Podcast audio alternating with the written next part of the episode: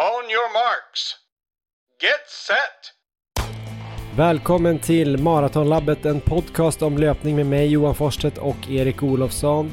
I avsnitt 178 pratar vi med Suldan Hassan som berättar om eh, träningen med Bashir Abdi inför eh, rekordloppet i Sevilla Marathon.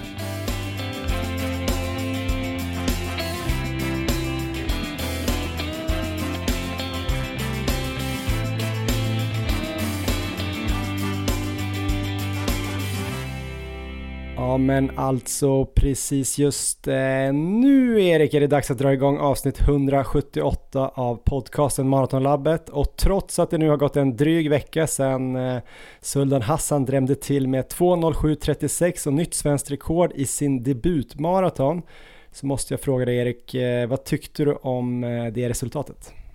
Det var otroligt roligt och imponerande och för mig var det ganska överraskande också. Dels att han kom till start och att han sprang så bra i debuten. Det är klart man vet att han är en fantastisk löpare, men han har ju haft mycket problem här senaste åren och så. Men vi kommer få höra lite eh, idag om hur de problemen kanske ändå har lett fram till någonting bra i slutändan här, så att eh, en väldigt intressant intervju kommer i avsnittet. Just det, och då kommer han också prata mer om hur det var att vara med på läger med Europas snabbaste maratonlöpare då genom tiderna, Bashir Abdi, och bli tränad då av eh, Bashir Abdis tränare Gary Luff, som dessutom har coachat både Paula Radcliffe och Sir Mo Farah. Vi kommer också prata med eh, Lorenzo Nesi, eh, han är ju grenledare för terräng och väglöpning inom Svenska Friidrottsförbundet. Vad tycker han om de senaste svenska kanonresultaten och vilka kan komma att springa EM i halvmaraton för Sverige i juni och hur tusan kvalar man in?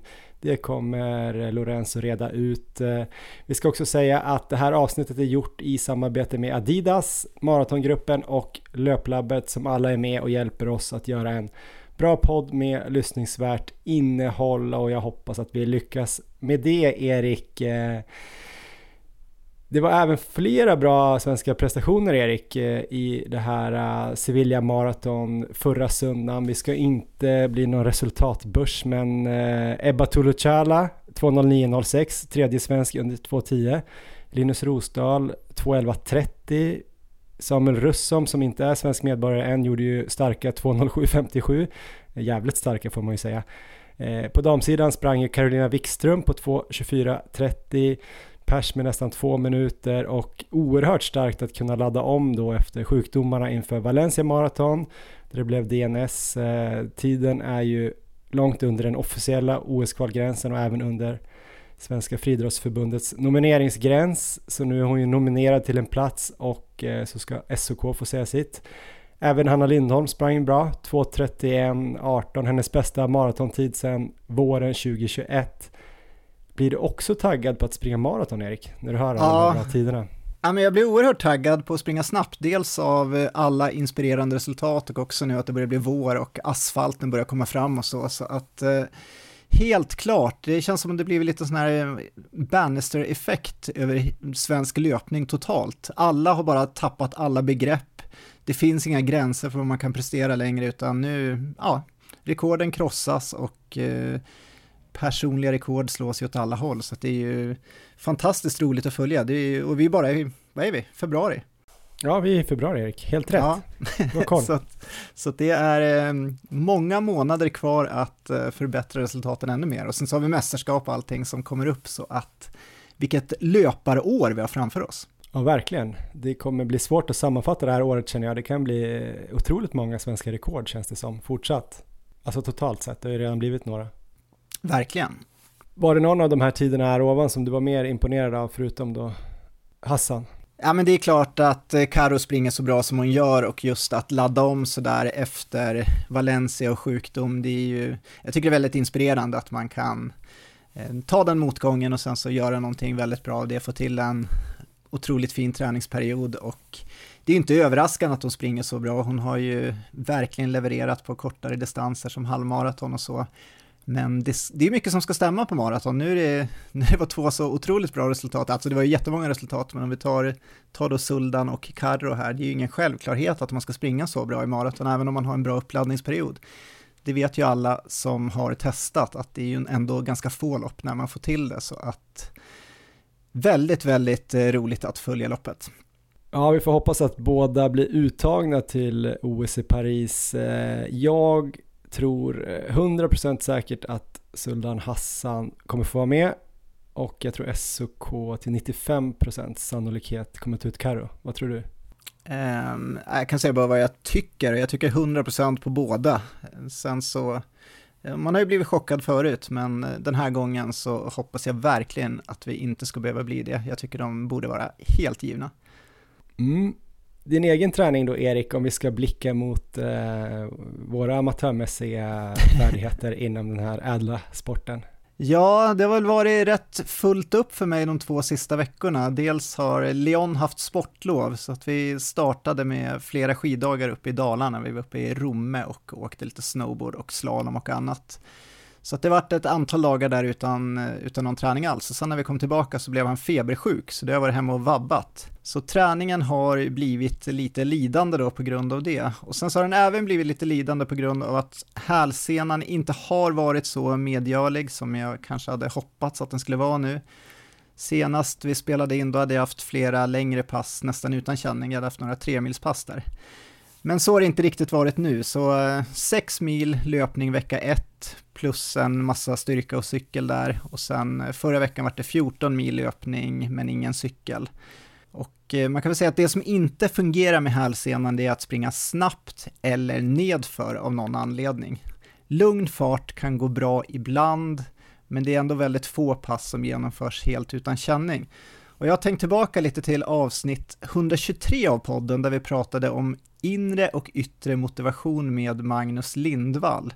Om du skulle skatta din löpning just nu Johan, i procent, hur mycket drivs du av inre motivation, alltså njutningen löpningen ger i stunden, att då aktiviteten i sig själv ger tillfredsställelse, och hur många procent drivs du av yttre motivation, såsom målsättningar? Mm, ja men typ eh, i alla fall 85-15.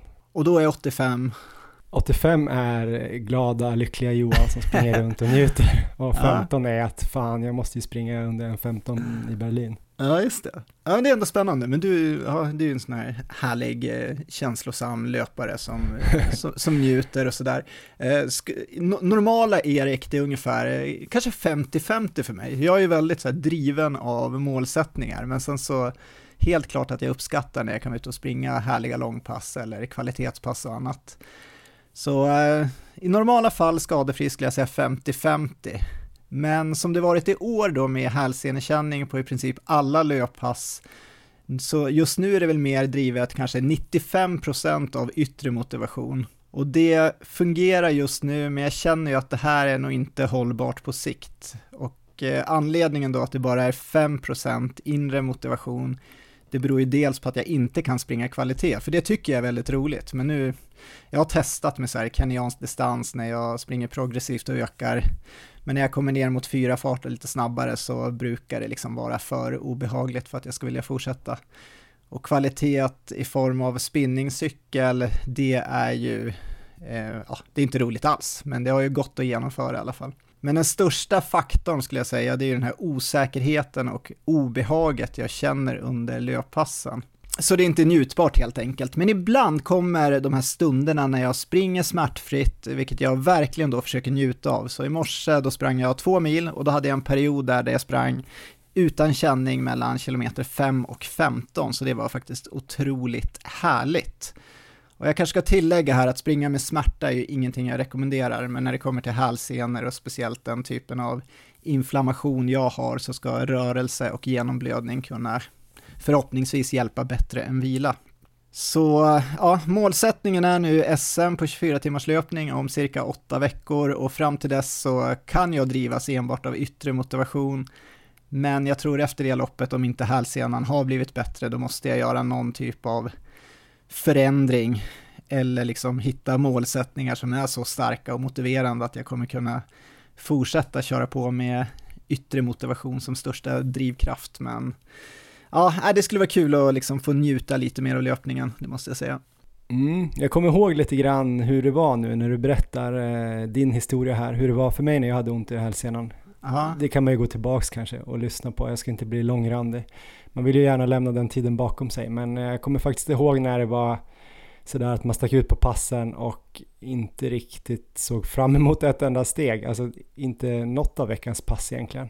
Eh, det kanske gick någon gång, man glömde bort det, sprang i skogen och det var väldigt mjukt och så. Men eh, det är liksom så här, för mig gick det inte att springa på morgonen till exempel. Jag hade alldeles för ont när jag klev upp ur, ur sängen. Du vet att man hade smärta i, i hälsenan, jag vet inte om du har det. Det ja, kan vara en klassiker om man har ont i hälsenan, att de första stegen gör ganska ont.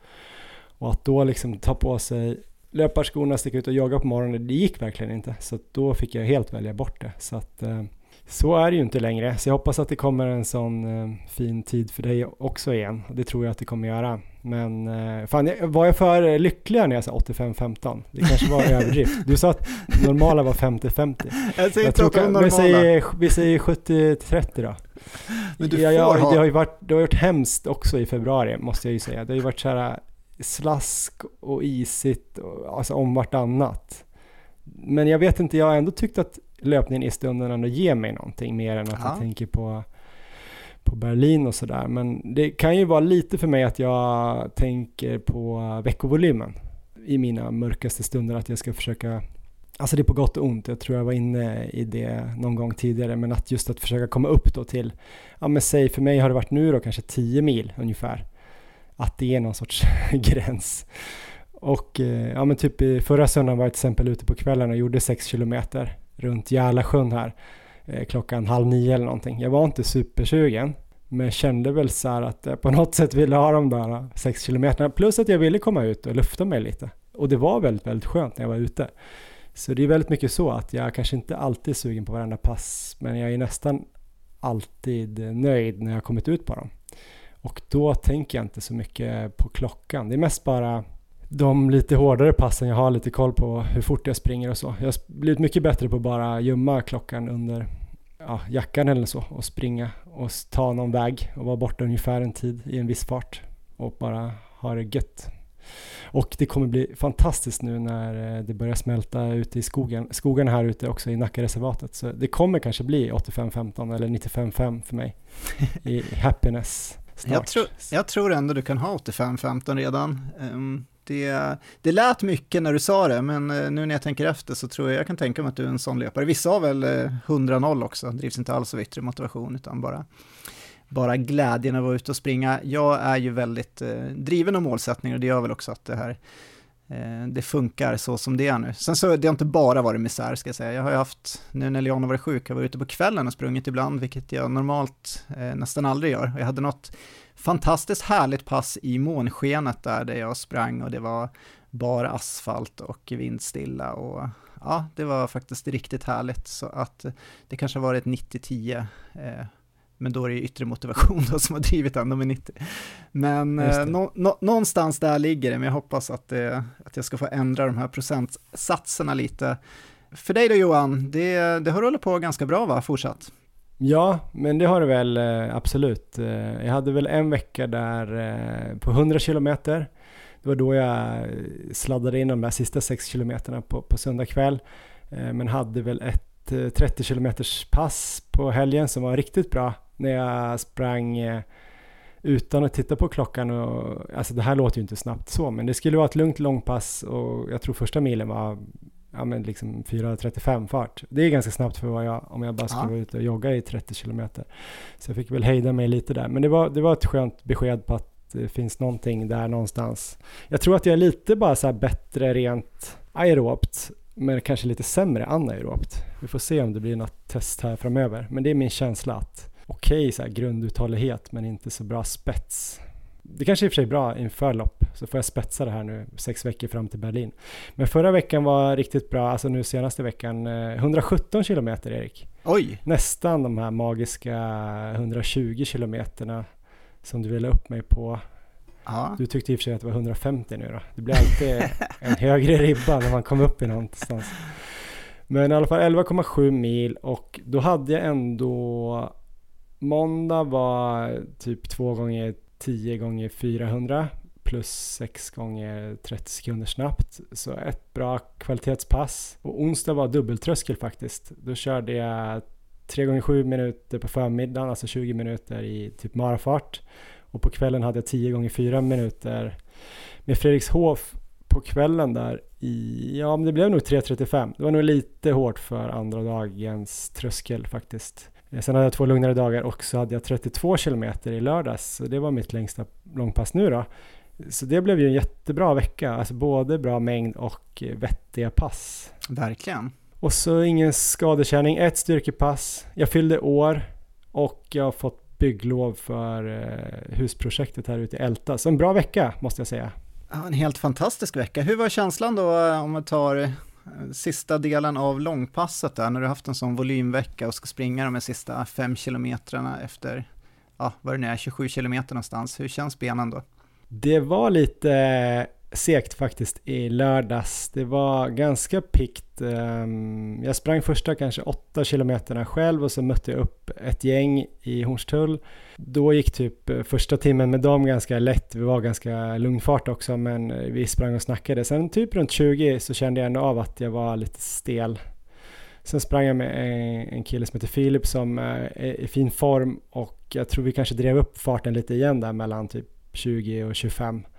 Men sen när han vek av och jag skulle hem sista biten så var det lite motigt. Eh, det var det, men eh, inte på någon över någon gräns och sådär. Och sen tyckte jag att jag återhämtade mig rätt bra direkt på lördagen och sen hade jag vilodag igår i söndags då. Vi spelade in det här på måndag. Så nu känner jag mig pigg idag igen för att köra någon kvalitet. Så vi får se hur benen känns. Men det känns ju ändå positivt att jag kanske kan ligga där någonstans 11-12 mil plus bra pass. Verkligen. Jag har en fråga här, för ditt första lopp blir väl premiärmilen va? Jag tror det, eller eventuellt att jag springer två sjöar runt någon distans eh, helgen innan. Jag har inte riktigt bestämt mig, men det är väl eh, på söndagen tror jag, 17 mars och sen är premiärmilen 23 mars. Just det, och då tänker jag det är väl många lyssnare som också ska springa kanske premiärmilen som sitt eh, första lopp eller ett annat millopp. Hur tänker du med så här, eh, vad ska man säga, ett preparationspass inför för att liksom testa formen, få lite koll på vad som kan vara rimlig fart. Har du något sånt pass som du eh, kanske ska köra själv eller skulle rekommendera för dina adepter och sådär att eh, köra och hur länge innan loppet skulle du lägga in det? Ja, spännande Erik. Ehm, nu är ju mitt kanske huvudmål här för de närmsta veckorna Berlin halvmaraton två veckor efter premiärmilen. Så jag ser ju premiärmilen lite som en väldigt, väldigt bra genrep för Berlin också. Men jag vill ju också springa bra på premiärmilen för nu är det ju första, första tävlingen av touren här, subelit-touren som jag ska vara med i.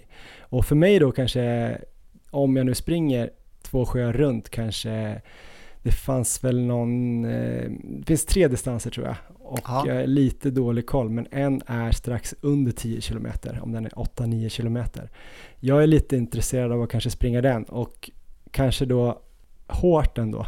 Då blir det ett preparationspass. Den är ju inte helt platt så jag vet inte om det kommer bli milfart men ändå kanske tänka mig tröskel till mil intensiteten då och inte kanske trappa ner så mycket till det loppet och sen kanske jag tar det ganska lugnt mellan två sjöar runt och eh, premiärmilen. Kanske ha ett eh, halvsnabbt, någonting med någonting halvsnabbt på onsdagen kanske. Några dagar där mittemellan. Men om jag skulle bara premiärmilen eller 10 km lopp så skulle jag nog ha kört eh, kanske en vecka innan.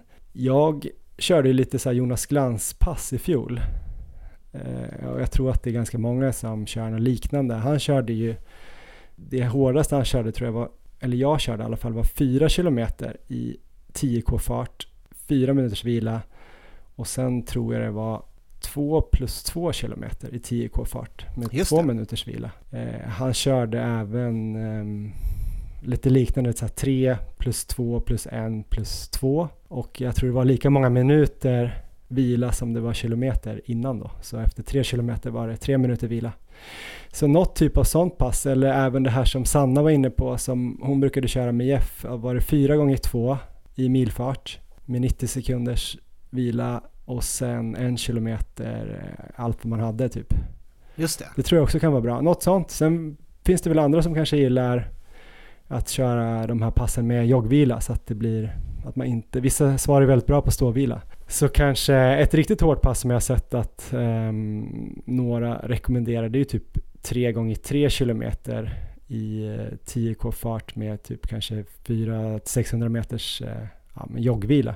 Det låter riktigt hårt. Ja, men om man har gjort det då tycker jag nästan att det känns som att man kommer klara det på, på loppet, loppdagen. Så något sånt tror jag Erik. Du då? Aha. Och kanske då, vad sa jag, en vecka innan? Eh, jag tror att eh, Jonas Glans gjorde sitt pass sex dagar innan han satte eh, något av sina svenska rekord som nu Almgren slog. Mm. Nej, men jag tycker det låter som väldigt spännande pass allihopa och jag tror ju definitivt på att springa, om man nu ska springa 10 km kan man få till någon form av lopp veckan innan så brukar det driva form väldigt bra. så det är nog inte så dumt för dig att köra det. Men eh, om man inte har den möjligheten och ska köra något pass, då finns ju alla som du nämnde där och sen så, ja, kanske någon eh, 9 gånger 1000 eller något sånt där kan också med eh, kanske 200 meter joggvila är väl en ganska klassisk pass att köra också. Jag kan tycka det är, bara om man kör själv på träning, att köra 5 kilometer i tävlingsfart också. Så kanske man kan köra några korta drag efter. Det skulle jag också kunna tänka mig att lägga in. Um, det beror ju lite på beror ju lite på kanske hur hårt man då vill köra. Det är ju eh, vilken träningsperiod man kommer ifrån och sådär. Har man haft kanske en lite struligare uppladdning, då kanske man inte ska köra någon av de här hårdaste passen vi har nämnt, utan då kanske, då kanske kan räcka med eh, 6-7 gånger 1000 också. Något sånt. Det tror jag absolut. Ja, men där fick vi en hel del förslag, så då, då tror jag det finns eh, lite att välja av för de som ska springa premiärmilen. Vi har ju några samarbetspartners Erik. Eh, vi kan börja då att nämna Adidas som är med och stöttar oss även den här säsongen. De satsar ju mycket på svensk löpning just nu och är ju titelsponsorer bland annat till flera lopp här i Stockholm. Kronjuvelen är såklart Adidas Stockholm Marathon den första juni som också är SM i maraton. Eh, de gör ju också en massa bra skor och om man är nyfiken på att få provspringa i några av deras skor så ska man hålla ögonen öppna nu här framöver för information om eh, Adidas Try-On Sessions som kommer återkomma även nu i vår här i Stockholm. I fjol höll ju vi två pass på våren Erik och sen var vi väl med på två inför Stockholm halvmaraton också vilket var väldigt kul. Eh, nu kommer vi köra ett pass snart igen faktiskt. Eh, tisdagen den 12 mars och det är bara om två veckor när ni hör det här. Jag vågar faktiskt inte just nu lova tid och plats men det är kvällstid och med 99% säkerhet så är det 99% eh, inre motivation då. Nej då. Men eh, vi utgår från Sjöhistoriska museet antagligen här i Stockholm och det kommer vara runt 18-tiden. Så boka in den kvällen och så får ni springa ett roligt pass med oss och prova Adidas skor. Allt är eh, såklart eh, gratis och det vore superkul om så många som möjligt av er kom dit och sprang med oss, eller hur Erik? Ja, verkligen. Jag tycker det var några av årets löphöjdpunkter förra året. Ehm, så att vi hoppas att alla som har möjlighet eh, tar sig ut där och hänger på. Och eh, gillar man att springa sina pass eh, så här tillsammans med andra så vill vi också tipsa om att Löplabbet kommer ha löpgrupper eh, här under mars månad i ja, alla sina åtta butiker, eller de kommer utgå från butikerna, inte i butikerna, för det kommer bli trångt även om de har stora butiker, men de kommer samlas där och sen sticka ut. Kom igång med Löplabbet kallas den här aktiveringen. Och vi ska nu kolla då med Bjarne Koning på Löplabbet vad de har att erbjuda och vad det här egentligen är. Ja, men då har vi med oss eh, Bjarne från Löplabbet. Eh, hur är läget Bjarne? Det är bara fint. Det är bara fint. Det är en ära att få vara med igen. Ja, jättekul. Välkommen tillbaka. Vi har precis här nämnt att eh, om man gillar att springa med andra så ska man hålla koll på, på Löplabbets aktivering här. Kom igång med löpning. Nej, kom igång med Löplabbet. Ja, Kom kan igång. du berätta mer om det? Heter den kom bara. igång bara? Ja. Uh, nej, men det är kom igång med löpning då. Och det är under mars månad som man har möjligheten att vara med och löpträna med oss. Vi vänder oss till de som kanske haft ett längre uppehåll nu under vintern och så. Eller de som vill komma igång med löpningen. De som behöver komma igång igen helt enkelt. Passen är upplagda så att oavsett vilken nivå man är på så får man ut någonting av passet. Eh, vi har också sagt att det är bra om man kan typ jogga 10 minuter i alla fall. För då, då, blir det lättare att hålla ihop liksom uppvärmning och sådär, uppjogg och sånt. Då. Men eh, annars är upplägget att eh, alla kan vara med och springa. Okej, okay, kommer man dit eh, ombytt och uppvärmd eller bara ombytt och är det alla butikerna i hela Sverige? Eh, det är alla butiker i hela Sverige. Eh, det är lite olika veckodagar, jag kan dra det sen. Eh, men man är ombytt. Man kan lämna en väska i butiken. Men vi har ingen dusch eller så efteråt. Men vi värmer upp tillsammans. Joggar i 10 minuter ungefär. Kör lite löpskolning. Eh, så man får koll på det. Och sen oftast är det någon typ av intervallträning då. Stege eller eh, ja, eh, upprepningar liksom tre minuter i olika fart och intensitet. Då. Men vi är liksom på ett område så att, eller på en bana så att ja, och vi utgår från tid så att alla kan ju vara med. Liksom. Man kommer lite längre om man är snabb och lite kortare om man inte är så snabb. Ni hade ju något liknande i fjol va? Hur eh, togs mm. det emot? Eh, det togs emot jättebra. Det var ju ganska utmanande väder så vi hoppas slippa den här mars. Jag vet inte om du kommer ihåg det men det var ju liksom det började snöa ganska rejält i mars. Så eh, det var väl ganska utmanande men det var väl bra att få känna på det också. Men vi hoppas på snöfritt. Men det går ju att springa när det är snö också givetvis. Ni gör det här tillsammans med Asics och Mårten har jag läst också. Kan man liksom eh, prova något från dem eller vinna någonting från dem? Det brukar också vara någon sån där grej ni har. Ja, eh, Mårten kommer man ha möjlighet att prova. Eh, under alla pass. Och vi kommer också efter varje löpträning lotta ut ett eh, träningskit från Mårten. Alltså produkt, vad ska man säga, testkit då. Med bars och gel och sportdryck och så. Och eh, skor kommer vi också lotta ut. Vi kommer att lotta ut en sko eh, vid varje butik efter eh, alla de här löpträningarna då. Det blir fyra stycken. Så har man varit med på fyra pass så har man fyra lotter. Har man varit på ett pass har man en lott. Så att ju mer du är med och tränar desto större chanser att vinna. Så det, det, det, ska vara, det ska motivera lite och ta sig dit på alla träningar, jag tänkt. Just det. Är det bara att dyka upp eller ska man anmäla sig någonstans? Det är bara att dyka upp, men vi vill gärna att man anmäler sig. Och det är bara att gå in på löplabbet.se och klicka sig fram där. Det är ganska tydligt det står tydligt på första sidan om ja, en, en, bild till den här löpträningen. Och så kan man läsa liksom eh, ja, vilka tider som gäller och vilken veckodag på respektive ort och även anmäla sig. Då. Mm. Måndagar är det i Uppsala, i Stockholm och Göteborg. Tisdagar i Helsingborg. Onsdagar i Umeå och torsdagar är i Farsta, Lund och Malmö. Just det, och det här drar igång då uh, första hela veckan i mars. Ja, precis. Så första startar ju måndagen den 4 mars då i Uppsala, Stockholm och Göteborg. Sen rullar det på. Kommer du vara med på något pass, Bjarne? Ja, det kommer jag vara. Så, så många jag eh, hinner med. Det är Göteborg jag utgår ifrån då, så det är störst chans är väl att jag är med i Göteborg då.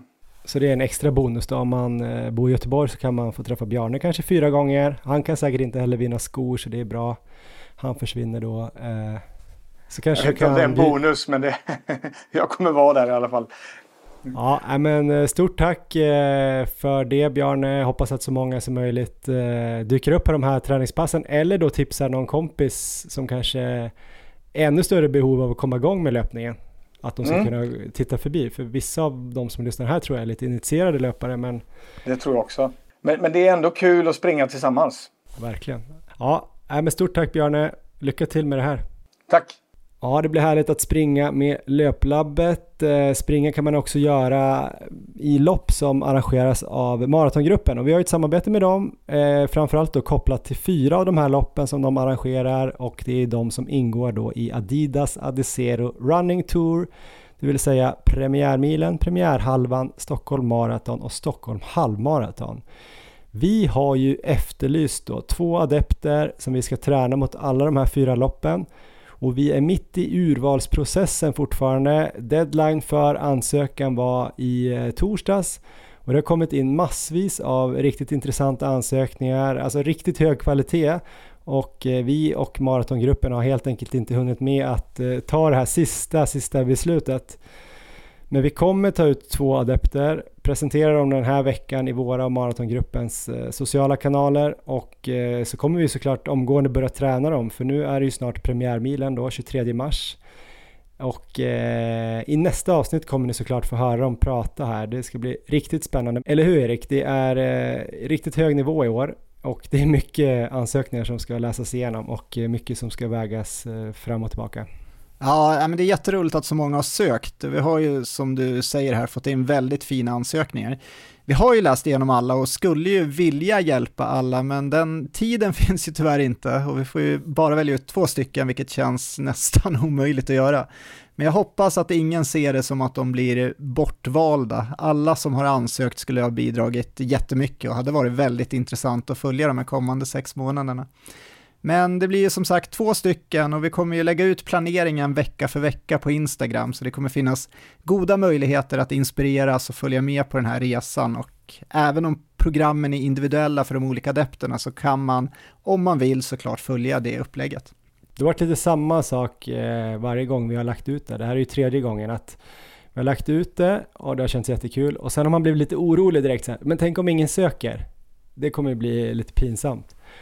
Och sen börjar folk att söka, det känns så ah men nu har vi nog någon, så här, efter vi har fått in typ 10. Och Aha. sen när det börjar bli liksom 100, då bara nej, nej, nej, nej, nej, nej, gud vad jobbigt det blev. Nu måste vi välja, alltså nu, då blir det direkt att man tänker att på de här som inte då kommer få bli tränade av oss. Vilket kanske är bra eller dåligt, det vet man ju inte, men det känns i alla fall tråkigt att bara få välja två som du sa. Så vi är jättetacksamma för att ni har sökt och det har varit jättekul att läsa eh, alla ansökningar, för man får ju också en väldigt tydlig inblick i eh, i era löparliv och eh, man får kolla in liksom då i huvuden på en del av våra lyssnare. Super, super kul. Ehm, vi återkommer helt enkelt under veckan med vilka två det här kommer bli. Ehm, vi ska också säga då att eh, det kommer en eh, prishöjning här också på premiärmilen. Vi ska varna för den.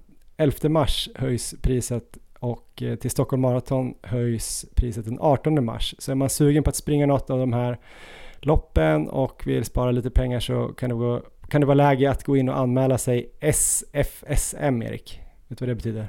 Berätta. Så fort som möjligt.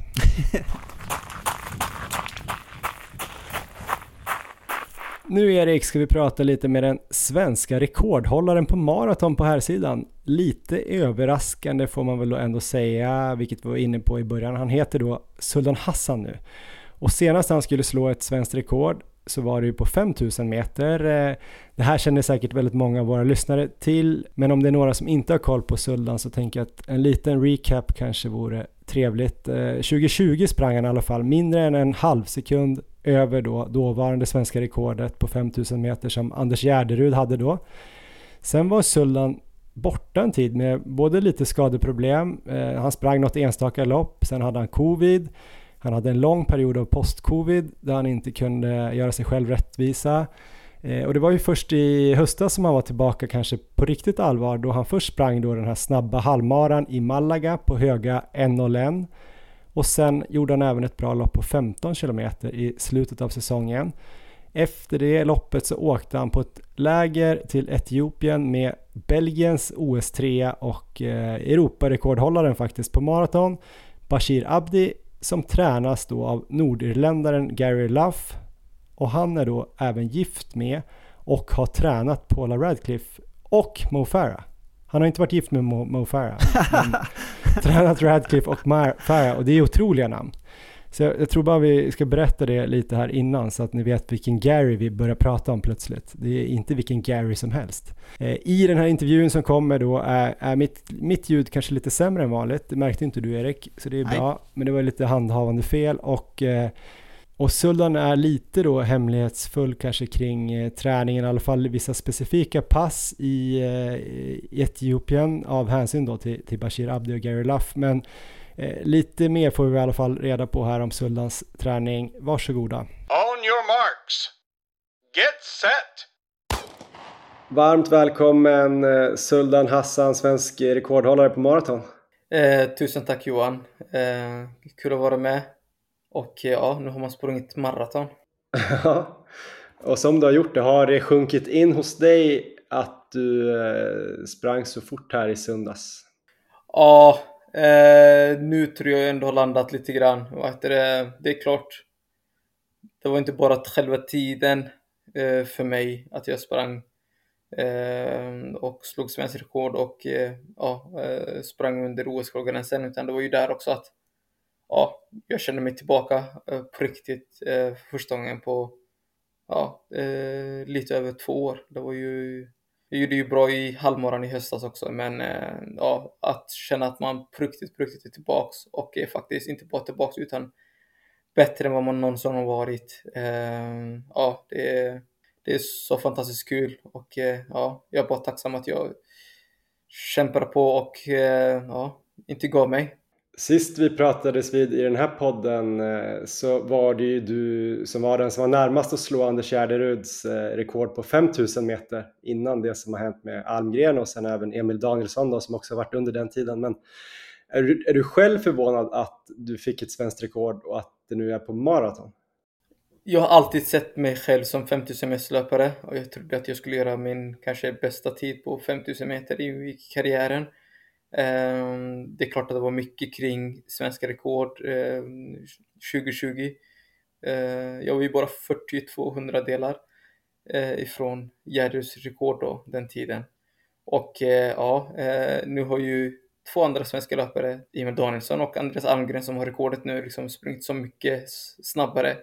Men det var kul i alla fall att, vara med och pusha gränserna för svensk löpning och till, till den nivån. Liksom det, på den tiden i alla fall, 2020. Sen är det ju helt annan nivå och standard nu, men eh, ja, det var kul att vara med och pusha då. Dessvärre kunde jag inte fortsätta hjälpa dem eh, på just 5000 meter nu för att det verkar som att jag ja, mer kanske långlöpare nu, men eh, ja, det har hänt mycket sen dess.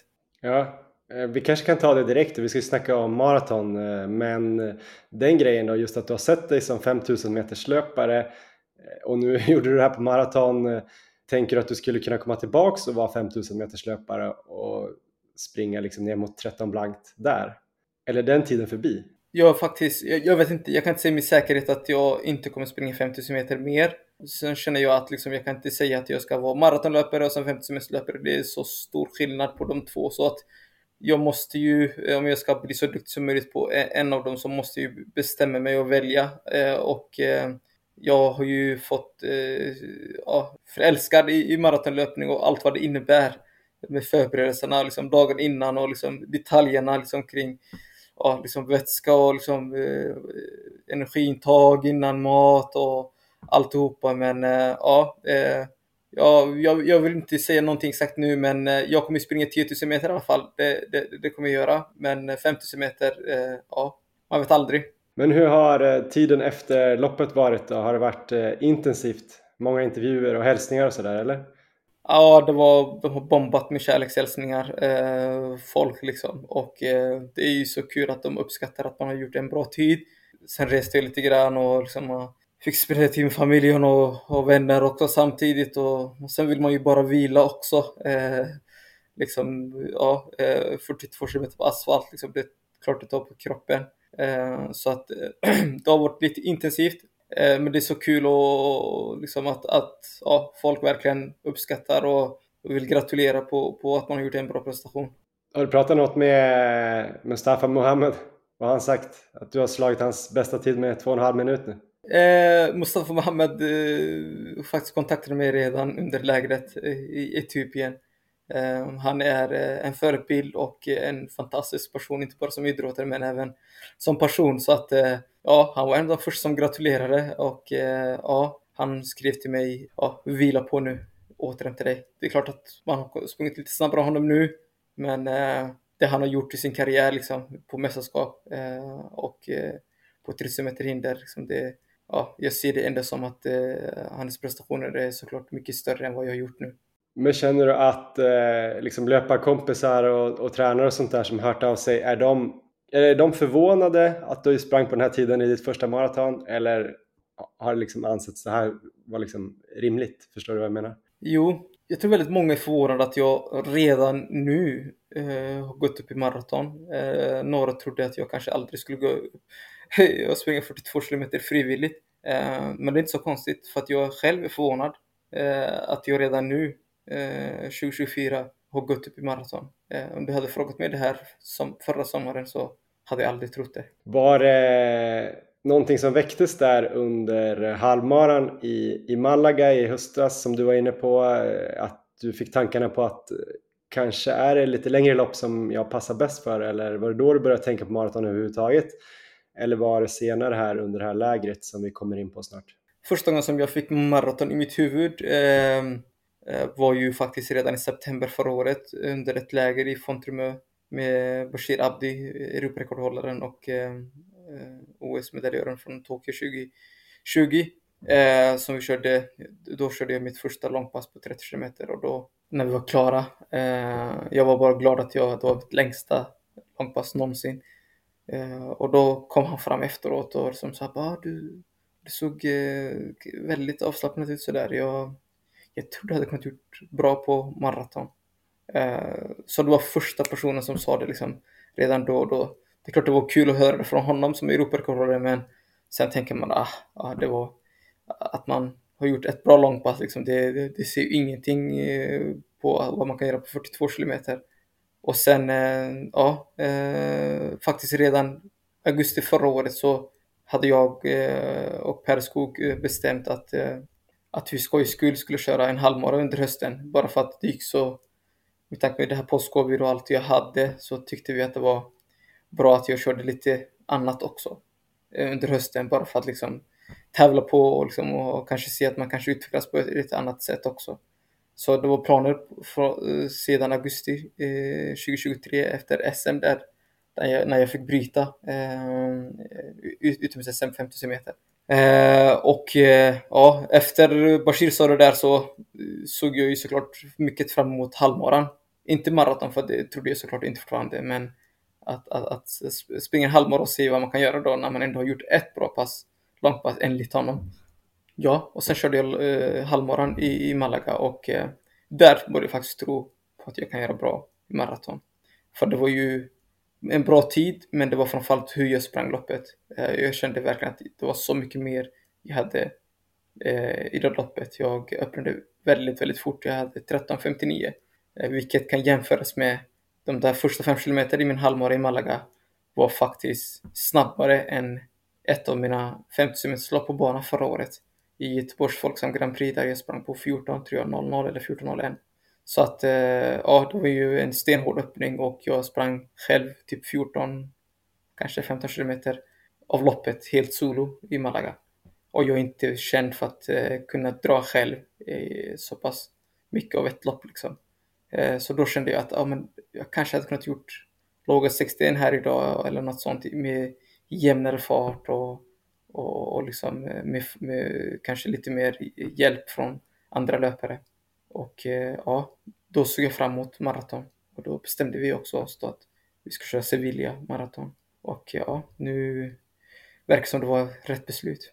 Ja, men hur gick det till sen då? Du fick följa med på ett till läger med, med Bashir Abdi, den här gången i Etiopien. Va? Hur, hur, hur går det där till? Hur får du följa med? Ringer de upp dig? Suldan, jag vill ha med dig. Jag var med Bashir Abdi redan eh, i september förra året och, och Gary. Och ehm, ja, ehm, nu när jag skulle gå upp i maraton så, det, det, ja, så kändes det ganska naturligt att man skulle joina dem då. Ja, de hade mycket kunskap kring det här och eh, liksom, vi fungerade bra ihop. Det var jättekul och en ära att, att få vara med och eh, de tyckte också det var spännande såklart det var, det var, inget, det var ingenting som eh, ska man säga, växte sig in i under lägrets gång, att jag skulle köra civil, utan det var redan bestämt från början och det var kul att man kunde gå in direkt i, i, liksom, i upplägget och bara liksom ha fokus på, på den 18 februari, de här två månaderna. Så att eh, ja, det var lärorikt och eh, ja, jag hade också tur. Hade inga problem, inga sjukdomar, inga känningar. Klart man har lite känningar här och där, men inga allvarliga känningar. Um, och ja, jag har aldrig varit så frisk och eh, ehm, så pigg under ett helt läger som jag var. Så att uh, det var, ja, jag fick på hela, hela skiten håller på att säga. det får man säga. Eh, men berätta lite om lägret och hur många fler löpare var det som var med och vilken tid var det här när, när tog lägret slut då inför Sevilla? Alltså... Nej, det var ju liksom, jag, jag, sprang ju Bashir så att eh, det finns ju många andra löpare där som inte är med i gruppen som, som ville joina oss liksom eh, och liksom bara för att ja, Ehm, när man är i Afrika så vill folk bara hänga på ifall man har ett program så att säga. Ehm, så, så att vad det, det var folk som, eh, men det var ju jag och Bashir som körde tillsammans liksom eh, passen. Ehm, och eh, ja, det för mig det var bara att hänga på honom liksom, så gott jag kunde och ja. Alltså det var liksom du och Bashir också och Gary då som styrde Bashirs träning och du körde samma sak? Gary höll träningen precis. Han, det, liksom, han, han styrde ju såklart träningen och eh, ja, jag körde ju med Bashir. Och eh, ja, det var, det var mycket volym. Det är klart att jag var orolig sådär liksom eh, att man, man skulle öka volymen och, och sådär också. Eh, och eh, Etiopien, det är ju 2000, där vi var, det är ju 2000. 760 2800 meters höjd liksom och eh, ja, att gå upp på den höjden och öka volymen och, och sådär. Liksom. Så att det kändes ju klart lite sådär, man, man bara, hur kommer det här bli liksom? Men eh, jag är tacksam att jag kände att jag kunde nästan bli bättre och bättre varje vecka också under lägrets gång. Jag kände mig aldrig liksom sliten. Eh, utan jag kände att jag, att jag kunde springa liksom lite snabbare och snabbare. Eh, och det, det är då man kan få ut mest av, av, av, av formen. Och alla kan ha ett bra läger första veckorna liksom. Men har man riktigt tunga sista tre veckor så sätter, det sig även i, liksom, i huvudet liksom. Så att eh, man ska helst försöka liksom progressivt liksom springa snabbare under lägrets gång och eh, det kunde jag göra. Har du någon förklaring själv varför du fick en så himla bra period när du inte fick några problem? För jag fattar det som att du höjde upp volymen ganska mycket ändå. Ja, eh, alltså en förklaring kan vara att de här två åren som jag haft eh, problem med postcovid och, och sådär. Det var också de två åren som, som jag inte har varit, ska man säga, allvarligt skadad liksom, eh, annars. Eh, så att jag, hade, jag hade ju andra problem men det, det gick aldrig två veckor utan att jag, liksom, att jag kunde springa. Jag hade väl någon liten lätt bristning i en baksida förra sommaren men det, det gick ju bort på, på en vecka liksom eh, och sådär. Eh, så det var första gången på, ja, jag kommer inte ihåg senast, det gick två år utan att jag hade några problem, liksom, eh, annars med skador. Utan det var andra eh, saker som jag inte kunde kontrollera. Eh, så att jag tror att också med det här med skador och sådär att ju längre det går eh, utan skada, desto svårare blir det att skada sig nästan. Så att det är klart konsekvensen av det blev ju att jag inte sprang fort men, eh, och hade postcovid och sådär men jag var i alla fall skadefri under två år. Och det låg ju en grund tror jag som jag inte haft liksom sen jag var ungdom, junior liksom. Så det tror jag kan vara en förklaring. Och sen såklart att det sprang mycket på gräs exempelvis där nere eh, och det var ganska flackt. Eh, jag vet inte, underlaget kanske kan också ha, ha, ha, ha, sin, sin betydelse. Ja, men som sagt, jag kommer inte ihåg senast. Jag hade två hela år utan någon större skada. Så ja, kanske det. Just det. Och eh, träningen där då, anpassade du den någonting till dig själv eller körde du liksom samma pass varje dag som, och samma farter som Bashir? Eh, han är ju så mycket bättre, eh, Bashir Abdi. Eh, han eh, eh fick lite problem faktiskt i slutet av lägret så att han, han fick åka tidigare. Eh, så han var inte med hela vägen fram till sista, tills jag åkte därifrån. Men han är ju så, så, ja, så mycket bättre och så mycket mer rutinerad distanspass och, och så där körde vi, körde vi tillsammans liksom, i samma fart. Långpass var jag med liksom, större delar av, även om han är så mycket starkare. Så att eh, ja, distanspass körde vi tillsammans och eh, de andra, ibland kunde jag vara med ganska mycket av det och ibland fick jag anpassa mig själv, anpassa farten själv lite grann. Eh, men eh, det viktigaste är ju att man får att man får springa hela, liksom, om det är intervallpass, att man får springa hela intervallpasset, om det är långpass, att man Eh, springer hela eh, liksom, långpasset så att eh, om jag hängde på så fick jag se till att också avsluta det jag gjort. Liksom. Inte säga att eh, ja, jag hängde med ja, två tredjedelar av passet och det gör bra. Liksom. Det räcker inte utan det, man måste liksom göra hela, hela programmet. Va? Han är bättre så att jag är inte riktigt där ännu men eh, ja, kanske någon gång snart. Det var ju då hans tränare Gary Laff heter han va? Eh, som tränade dig, eller upp din träning där. Eh, han har ju tränat eh, ganska duktiga löpare får man säga, förutom Bashir Abdi. Paula Radcliffe som han väl är gift med också. Och även Mo Farah. Hur var det att eh, bli tränad av honom? Oh, det är jätte, han är ju jättestor tränare, Gary Life liksom. Och eh, att han ens, han, ja, eh, att han ens accepterade att jag, att jag fick vara med liksom, i gruppen. Eh, Ja, var ju dels, vad heter det, ja, uh, jag var liksom förvånad för att liksom, han tränar ju inte uh, vem som helst och uh, han har inte någon styrgrupp som de flesta andra tränare har. Kan ju tillägga att han hade faktiskt två, de tre OS-medaljerna i maraton i Tokyo 2020, 2020 så hade han både tvåan och trean, eh, Abdi Negeji och Bashir Abdi. Bägge tränades av honom. Eh, så att, eh, ja, nej men att han liksom, ja, ville eh, liksom eh, träna mig också eh, betyder jättemycket och eh, jag kan säga att innan loppet nu i, i, i, i Sevilla så pratade vi om dagen innan och då sa han eh, jag tror eh, du kan gå med i 206-gruppen imorgon. Att det inte ska vara några konstigheter. Och i mitt huvud var det ju OS-tankar först och främst. Men han tyckte att jag skulle gå med i 206-gruppen och öppna på 63. Jag tänkte liksom att ja, det lät, låter lite galet. Eh, men sen gick jag med faktiskt eh, ändå. Och ja, det visade sig att han hade lite rätt.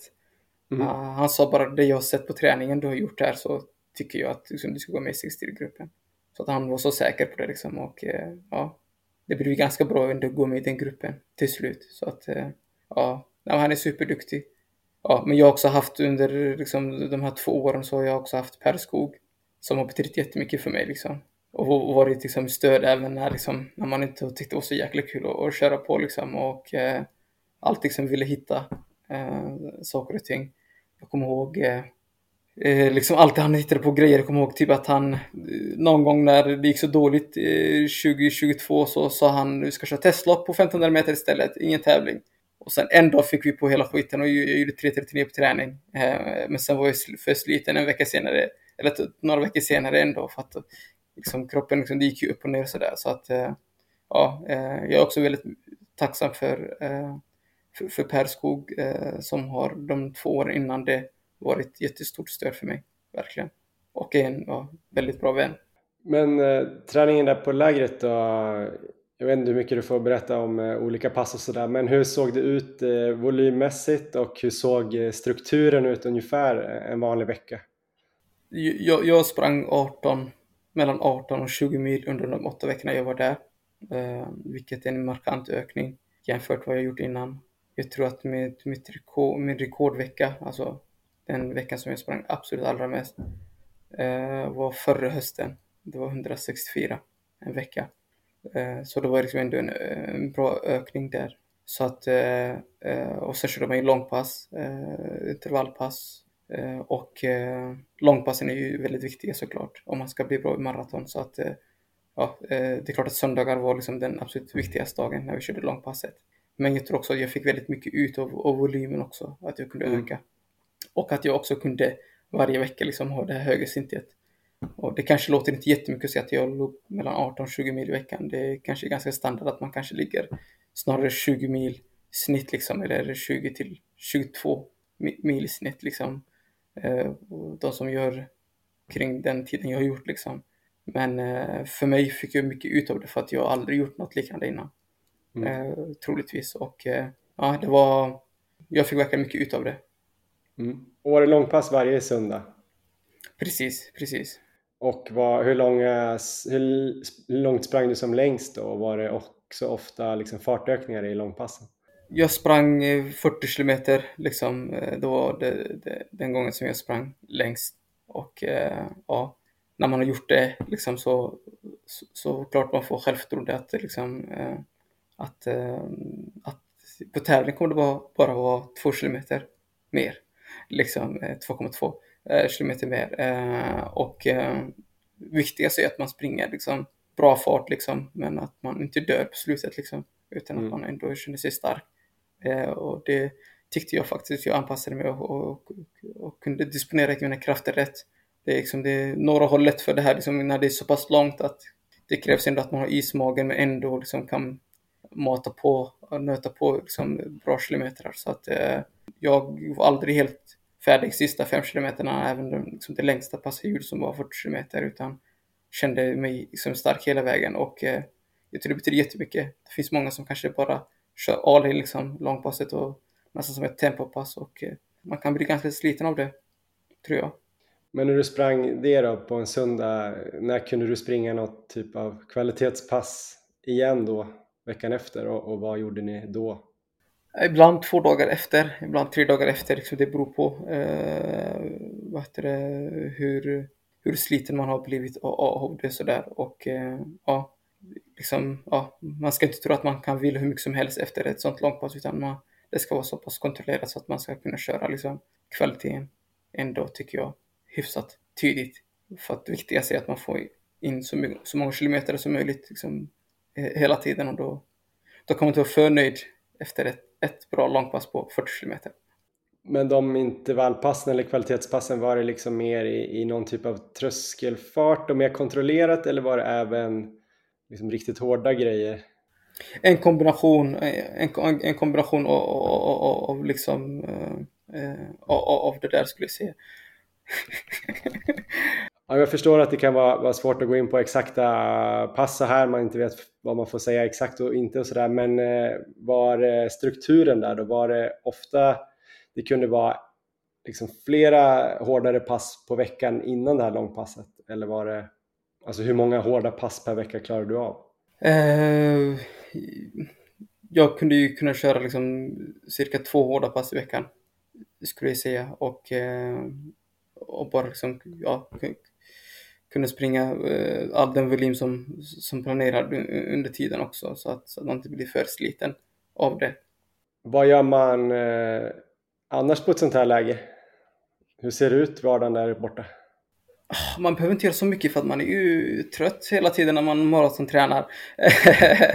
Nej men eh, det är klart att det är också en vardag där nere. Är man där så pass lång tid så, så vad det, behöver man ju planera kring passen och liksom eh, transport och liksom eh, mat man ska få i sig och ja, eh, så det, det blir också, också en vardag som precis som vi har i Sverige här också. Eh, och sen emellanåt så får man ju hitta på saker och ting när man inte vilar så att säga. Eh, lyssna, på, lyssna på ljudböcker gjorde jag en del. Eh, liksom, det blir inte många promenader dock med det utan eh, ja, man får liksom sitta ute liksom i, i solen, umgås, eh, spela lite kort. Inte så mycket eh, kring det liksom. Eh, det blir inte så mycket annat än, än än det där. Men det blir ju såklart som en vardag liksom, där nere. Eh, det händer saker och ting också runt omkring som man måste få tag i om man är där under fyra veckor, eh, under åtta veckor. Sorry. Mm. Pratar man om löpning också eller försöker man koppla bort det mellan passen? Att det kan bli för mycket? Ja, det är ju svårt att låta bli att prata om löpning eh, om man är med löpare. Eh, men det är klart att då får inte bli för mycket snack liksom. Annars, för då blir det ju hets nästan. Liksom, att man ja, eh, utan eh, ja, man pratar ju om det. det är, ja, man ska prata om andra som har sprungit. Men inte vad man själv har gjort och, och sådär. Det, det, tror jag inte är så nyttigt. Men det är ju på lopp liksom. Jag, det var exempelvis jättekul att, att kolla på Andreas Almgrens halvmara. Eh, mm. Det gjorde jag efter att jag hade kört ett långpass själv eh, när han körde i Barcelona. Eh, så att ja, Andras löpning kan man prata om, men det får inte bli för mycket om det man själv har gjort. Vad säger du om det loppet då? Almgrens 59-23? Ja, det är ju sinnessjukt. Vad heter det? Inte bara tiden tycker jag, men utan också det här att han, att han nästan slog Candy, som är ja, en, en hygglig löpare, får, får jag ändå säga.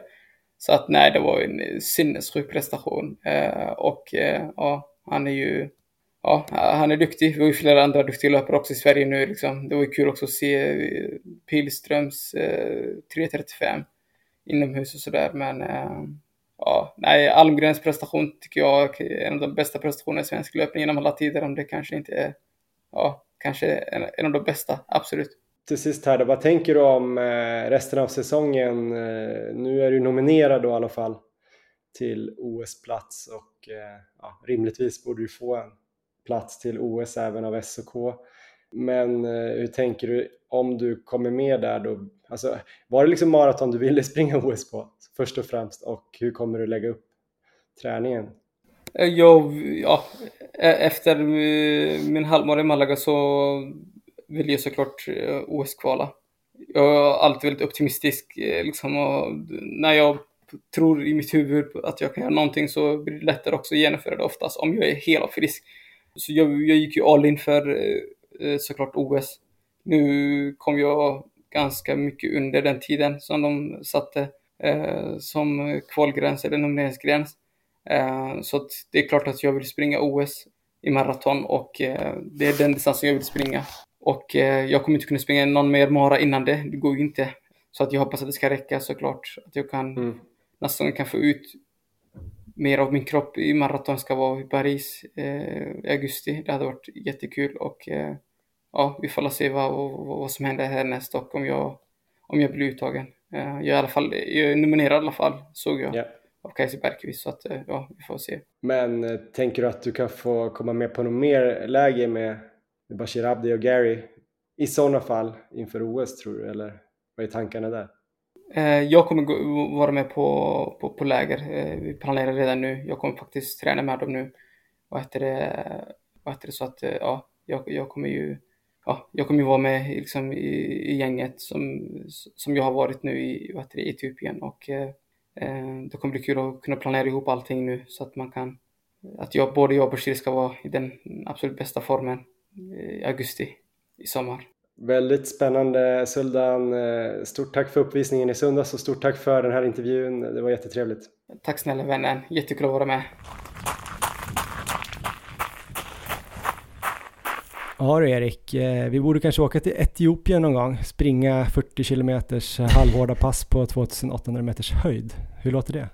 Ja men det är spännande att höra om träningen där. Jag vet inte om du och jag kommer fixa det men eh, man förstår ju att eh, Suldan kan springa så fort som han nu har gjort när han har klarat av det här upplägget. På ett sätt så låter det inte som något väldigt nytt i träningsupplägget. Det känns lite åt Canova-hållet om jag får gissa.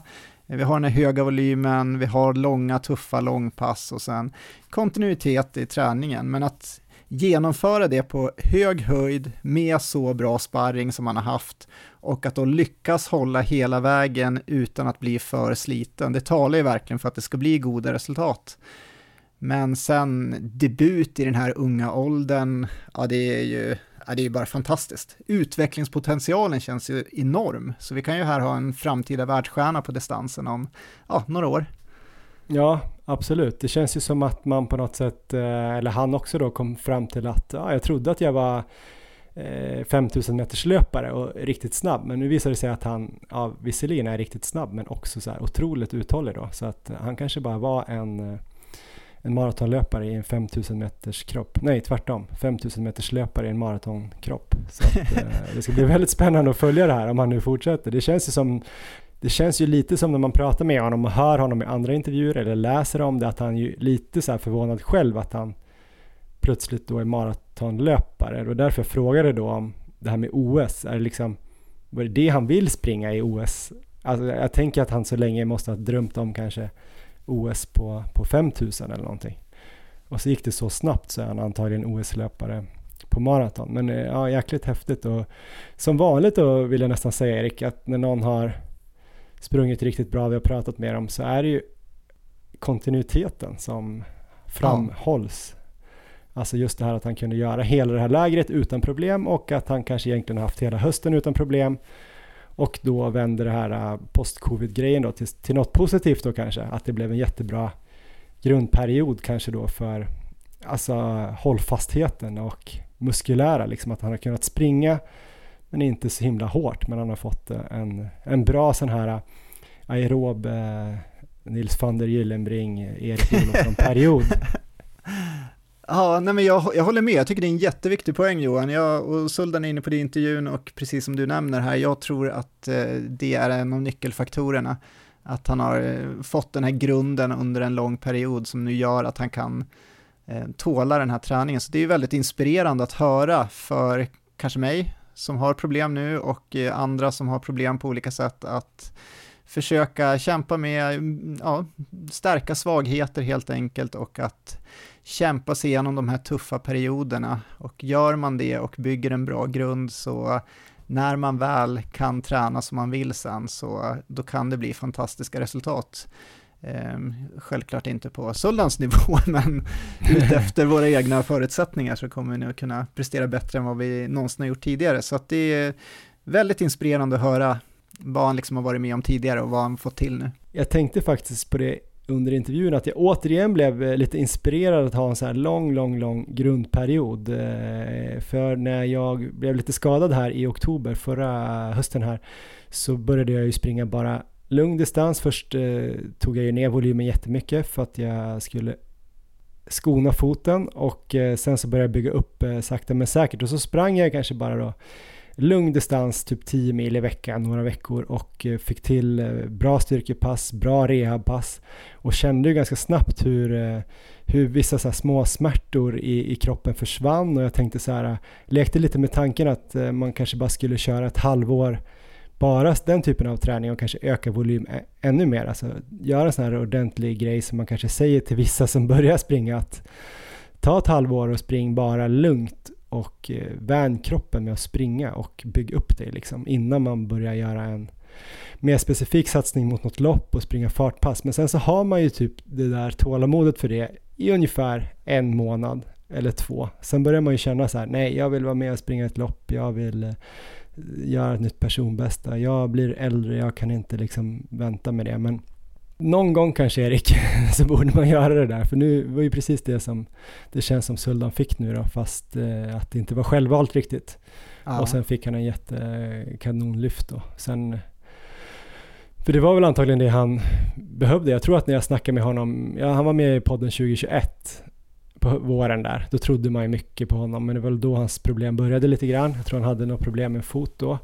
Eh, jag vet inte, han var ju liksom uppe på så 12, 12 mil då kanske nu nämnde han ju att han hade sprungit 16 mil här i eh, höstas innan det här lägret när han sprang och snittade typ 18.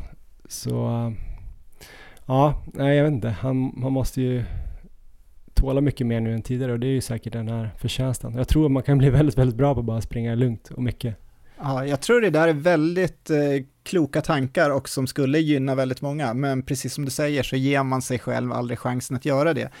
Eh, så att då kanske man helt enkelt får ta de här eh, möjligheterna som dyker upp just när man får problem. Jag tänker lite på mig själv, hur jag har haft det nu. Jag har ju verkligen jobbat med styrketräningen här till exempel nu under min problemperiod och har ju eh, under de senaste tre månaderna ökat på styrketräningen massor. Och det ska bli jätteintressant att se om det gör någon skillnad sen framöver när jag förhoppningsvis kan börja springa smärtfritt. För att eh, det är något jag har velat göra men jag har aldrig eh, känt att jag haft tid, för jag vill springa så mycket. Så eh, under de här perioderna när man har problem, man får försöka, försöka hitta andra vägar, göra det man kan och försöka göra det bästa av, av situationen. Så även om man kanske då inte ger sig själv de här möjligheterna där man liksom plockar bort lopp och bara tränar lugnt under ett tag så kanske det kommer presenteras möjligheter med diverse problem och så som gör att man Eh, man får försöka ta chansen. Så att eh, Eh, om man då ser fram emot mitt kommande lopp nu så är det ju, jag vet inte hur jag kommer kunna träna inför loppet eh, på grund av hälsenan. Jag kanske inte kommer kunna springa den höga volymen som jag vill göra, men jag kanske kommer kunna springa lite grann och jag kanske kommer kunna köra väldigt mycket styrketräning och då plötsligt tränar jag som Sveriges bästa 24 timmars löpare Tobbe Gyllebring nästan. Och det är ju jättespännande att få prova eh, ett sånt form av upplägg och se om det, hur, det funkar för mig. Jag gissar att det inte alls kommer funka lika bra som för Tobbe eftersom att han är ju lite av ett unikum. Men, eh, men ändå, jag får chansen att prova det och det skulle jag nog aldrig gett mig själv den chansen annars. Så att det är lite så jag försöker tänka framåt loppet nu, att även om det blir lite problem så kommer det i alla fall bli någon form av spännande upplägg om jag kämpar på och sliter mig igenom den här perioden och Eh, kommer till start och har gjort eh, allt jag kan i alla fall. Men, eh, men jag håller med om dina tankar och ja, det smartaste är väl liksom att göra sådana här maratonuppladdningar också, sen inte springa loppet, utan och slita ut sig med det, utan det är väl det är väl sådana saker som man borde göra, men det blir väl lite för tråkigt. Loppen är ju ändå lite av belöningen. Mm, verkligen Erik, kloka tankar. Och eh, angående lopp då, jag tänker vi ska gå vidare lite grann. Det svenska loppåret, eller löpåret 2024 har ju börjat eh, kanonbra. Massvis av fina tider både på medeldistans, inomhus och de längre då gatloppen utomhus som vi kanske främst har fokuserat på hittills. Eh, jag tänkte prata lite mer om de här resultaten på, på gatlopp nu och höra vad Svenska Friidrottsförbundets landslagsledare då för terräng och landsväg, Lorenzo Nesi, har att säga om alla de här otroliga resultaten i säsongsupptakten. Varsågoda, här kommer Lorenzo Nesi. On your marks. Get set! Ja, men då har vi med oss eh, Lorenzo Nesi igen, mannen med de många hattarna. Men idag då kanske du är mest med som grenledare tänker jag för landsvägs och terränglöpning i Friidrottsförbundet. Välkommen. Ja, då mössa till det då. Vad bra. Tack så mycket. Precis inkommen eh, från en löprunda. Det tycker jag ärar dig. Ja, jag kan inte kalla en löprunda. Det, gick, det gick knappt att röra sig framåt så att, eh, det var powerwalk utan power kanske. Ja, jag tänkte vi skulle börja prata med en, eh, en kille som har visat väldigt mycket power här i, i söndags var det ju i Sevilla. Eh, vi har pratat med honom ganska nyligen, Suldan Hassan. Ja, chockade väl mig och kanske någon fler, jag vet inte. Chockade han dig? 2.07.36 på maraton. Ja, kanske inte chockade, men eh, det var inte många dagar före hans lopp som jag heller fick reda på att han verkligen skulle stå på startlinjen. Det har surrats lite om att han har tränat åt det hållet. Och när jag fick reda på det fick jag också reda på att han gick för 2.07 så att, då var det bara en bekräftelse på det han skulle göra. Vad tänkte du när du hörde att han skulle gå för 2.07 och eh, vad tänkte du sen då när han faktiskt uh, fixade det? Då? Jag är djupt imponerad, men jag har ju efteråt, som du kanske har sett, uh, letat fram hur många som är taget och lyckats springa sin första mara så pass fort som 207 Europa och det är bara två personer i hela historien. Även om vi jämför med löpare före hela skorevolutionen. Så att det är klart, men vi har ingen svensk som varit i närheten av den tiden. Och det närmaste vi kommer är Samuel Segay som har sprungit fortare innan han blev svensk då. Men att han skulle göra det hoppet, alltså vi har en Andreas Almgren som eh, på några år har gått från eh, fyra 800 meters löpare till att springa halvmaraton. Och så har vi en Suldan som vi väl har sett främst som en 5000 möjligtvis 1500 meters löpare eller någonting sånt som eh, knappt har gjort några millopp och ja, ännu färre halvmarer. Han sprang väl ensam runt eh, på ett Göteborgsvarv under pandemin, för mig helt ensam. Eh, och så gjorde han en bra halvmara i höstas. Att han direkt skulle hoppa på maraton, det var ju en överraskning. Två andra resultat då, som minst sagt sticker ut här i säsongsöppningen är ju Andreas Almgrens då, 27.20 på 10 km och 59.23 på halvmaraton. Eh, vad säger du om de resultaten? Hur bra är han egentligen? Ja, när han gjorde 27.20 åtminstone, vilket var väl ungefär, kanske något bättre än vad jag hade hoppats på. Då var jag ganska säker på att han skulle springa någonstans 59,5, 59,45. Men det hade varit i, i bra förhållanden. Eh, nu gjorde han ju ytterligare någon sekund snabbare med en helt osannolik avslutning. Han höll ju under 2,40 per kilometer på slutet om man nu ska tro på de resultaten. Den brukar sitta fel den där mattan på 20 kilometer i Barcelona. brukar jag varna folk för. Men oavsett vad den nu satt, han sprang definitivt en halvmara på 59.23 med kraftig vind och kommer i, i, i stort sett ikapp eh, ja, den kille som tillsammans med J.P. Kiplimo utan eh, tvekan är bäst i världen på att springa halvmaraton. Och det är det som är det anmärkningsvärda. Att han skulle göra 59.23, som sagt, det hade jag inte rannat av stolen, men att uh, se på slutet hur han kommer närmare och närmare Kiboat Kandi, det hade jag absolut inte kunnat tro att han skulle klara av. Ja, inte i första försöket i varje fall. Nej. Har du sett någonting värre eller upplevt något värre inom löpningen, alltså med svenskt perspektiv? Med svenskt perspektiv i modern tid, nej. Eh, det, jag tycker det är det bästa som har hänt eh, åtminstone sedan Kjell-Erik Ståhl var fyra på VM 83 i maraton. Just det. Vad tänker du om Andreas Almgren i framtiden? Vad har du för förhoppningar eller tankar? Nej, alltså håller han sig hel, det är väl, hela, ja, det är väl allas löpares eh, grundförutsättning, men Andreas har ju eh, visat en fantastisk talang genom åren och gått sönder en hel del men det verkar ju som att han har hittat rätt formel för att eh, inte gå sönder, knackar jag här i pannan. Eh, och eh, uppenbarligen har ju en eh, fantastisk förmåga för en träning. Det jag är mest rädd för är alla andra som tror att de ska kopiera Andreas Almgrens träning och få, ja, om inte 59 minuters resultat, så ja, dina lyssnare till exempel. att, eh, att de tror att det Andreas gör är direkt överförbart till eh, gemena man och gemena kvinna. Mm. Men just det här att han i ja, förra sommaren då satte svenskt rekord eh, på 1500 meter och nu sprang så snabbt på halvmaraton. Har det liksom förändrat ditt sätt att se på liksom löpning och vad som är möjligt? Ehm, alltså du tränar också. Eller är det mer liksom att han är unik eller förstår att man kan prestera så pass bra på så Han är inte den första genom tiderna. Du har ju Haile Gebrselassie kunde ju springa på liknande tider på 1500. Han var ju 10 meters tusen specialist och inte bara specialist, den bästa 10 000 löparen genom tiderna i mina ögon tillsammans med Bekele eh, och flyttade sen upp. Det tog ett tag för honom att lyckas på maraton. Eh, du har eh, Paul Tergat, den som Gebrselassie slogs med. Han lyckades inte heller först i maraton. Nu tar jag snarare exempel på de som inte lyckades i första försöket. Tergat var inte bra på 1500. Mo Farah har du en liknande Jo men de har ju ofta gått liksom från, men just att han gör det så i princip, det är ju samma löpare ja, men både Gebre och Mo har jag för mig kunde också ganska sent i karriären göra bra lopp på korta distanser. Jag kommer inte ihåg när, när Gebre Selassie vann inomhus-VM tror jag på 1500 ganska sent. Färre har jag för mig gick ner igen. Ja, Mofara lyckades väl aldrig. Han, han var väl ett exempel på någon som eh, började nog för sent med att eh, försöka eh, längre lopp. Och går du tillbaks till 80-talet var det inte direkt ovanligt att svenska medeldistanslöpare med kanske 800-1500 som specialitet avslutade säsongen med att springa Lidingöloppet. Eh, Malin Evlöv gjorde det samtidigt som hon var ja, Europabäst, om inte världsbäst på att springa 800 meter som junior åtminstone. Eh, så det är ju ingen omöjlighet, jag tycker snarare det är synd att det inte är fler som har prövat att under olika tider av året faktiskt eh, utöva olika grenar. Sen är det ju fortfarande unikt, men du hör det, jämför Andreas Algren med Haile Gebrselassie och Mo Farah. Ja.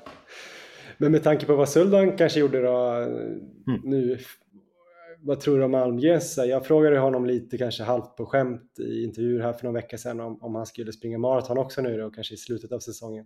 Om han skulle kunna göra det, men det vill han ju vänta. Men, men skulle det vara rimligt för Andreas också tror du? Ja, det är klart att han, om man springer en halvmara på 59.23 så klarar han av att springa en duglig halvmara, men det är, eh, förlåt, en helmara. Eh, men samtidigt är det ju så ofantligt stort hopp, alltså det är mycket mindre hopp mellan milen och halvmaran, där kan man i stort sett träna på samma sätt. Yeah. Men från halvmaran till maran har du alla de här energi, magproblemen, muskulära problem och så vidare.